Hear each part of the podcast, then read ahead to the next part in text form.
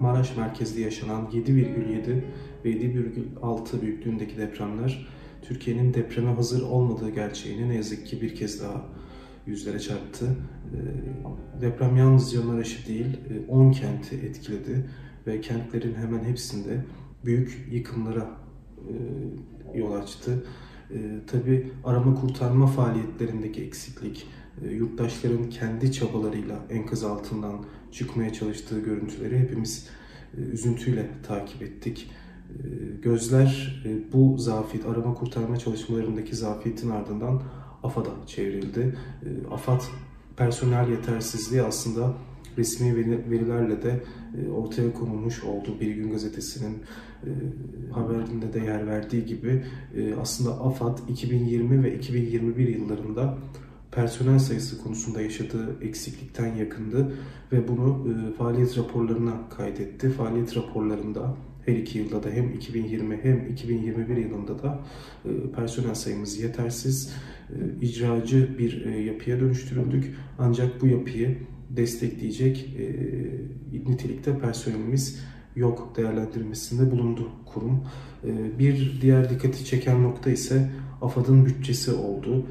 Ne yazık ki büyük yıkıma neden olan e, depremlerin ardından e, gündeme geldi. E, mecliste Plan ve Bütçe Komisyonu'nda gerçekleştirilen toplantıda kabul edilen 18 Aralık 2022 tarihli toplantıda teklif edilen AFAD'a teklif edilen bütçe TBMM Genel Kurulu'ndan da geçerek kurumun kasasına konulmuş oldu. Ancak çok çarpıcı bir ayrıntı vardı. Şöyle ki AFAD'ın 2022 yılında yıl içerisinde eklenen ek bütçelerle birlikte 12 milyar TL olan e, bütçesi 2023 e, yılında 8 milyar TL'ye kadar düşürüldü.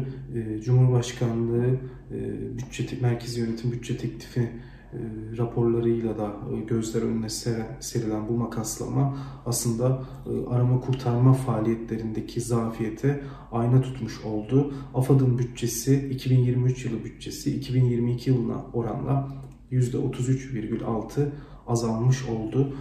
Aynı dönemde Diyanet'in bütçesindeki artış da dikkati çekti. E, Diyanet biliyorsunuz e, hemen her yıl merkezi yönetimden 10 e, milyarlarca liralık bütçe alan ve yaptığı yüksek harcamalarla tepki çeken bir kurum. Son olarak afet bölgelerinde insanlar insanların enkaz altından kendi imkanlarıyla kurtulmaya çalıştığı afet bölgelerine gönderdiği 2500 manevi destek personeliyle tepki çekmişti kurum.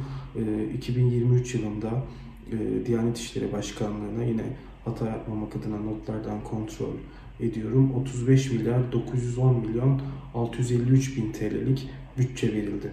AFAD'ın bütçesinin 8 milyar TL olduğu 2023 yılında 35,9 e, milyar TL'lik bütçe alan Diyanet'in bütçesinde bir yılda yaşanan artış ise %56,6 oldu. E, okuyucularımız izleyenlerimiz hatırlayacaktır. Diyanet İşleri Başkanlığı'nın 2022 yılı bütçesi ise 22 milyar 926 milyondu.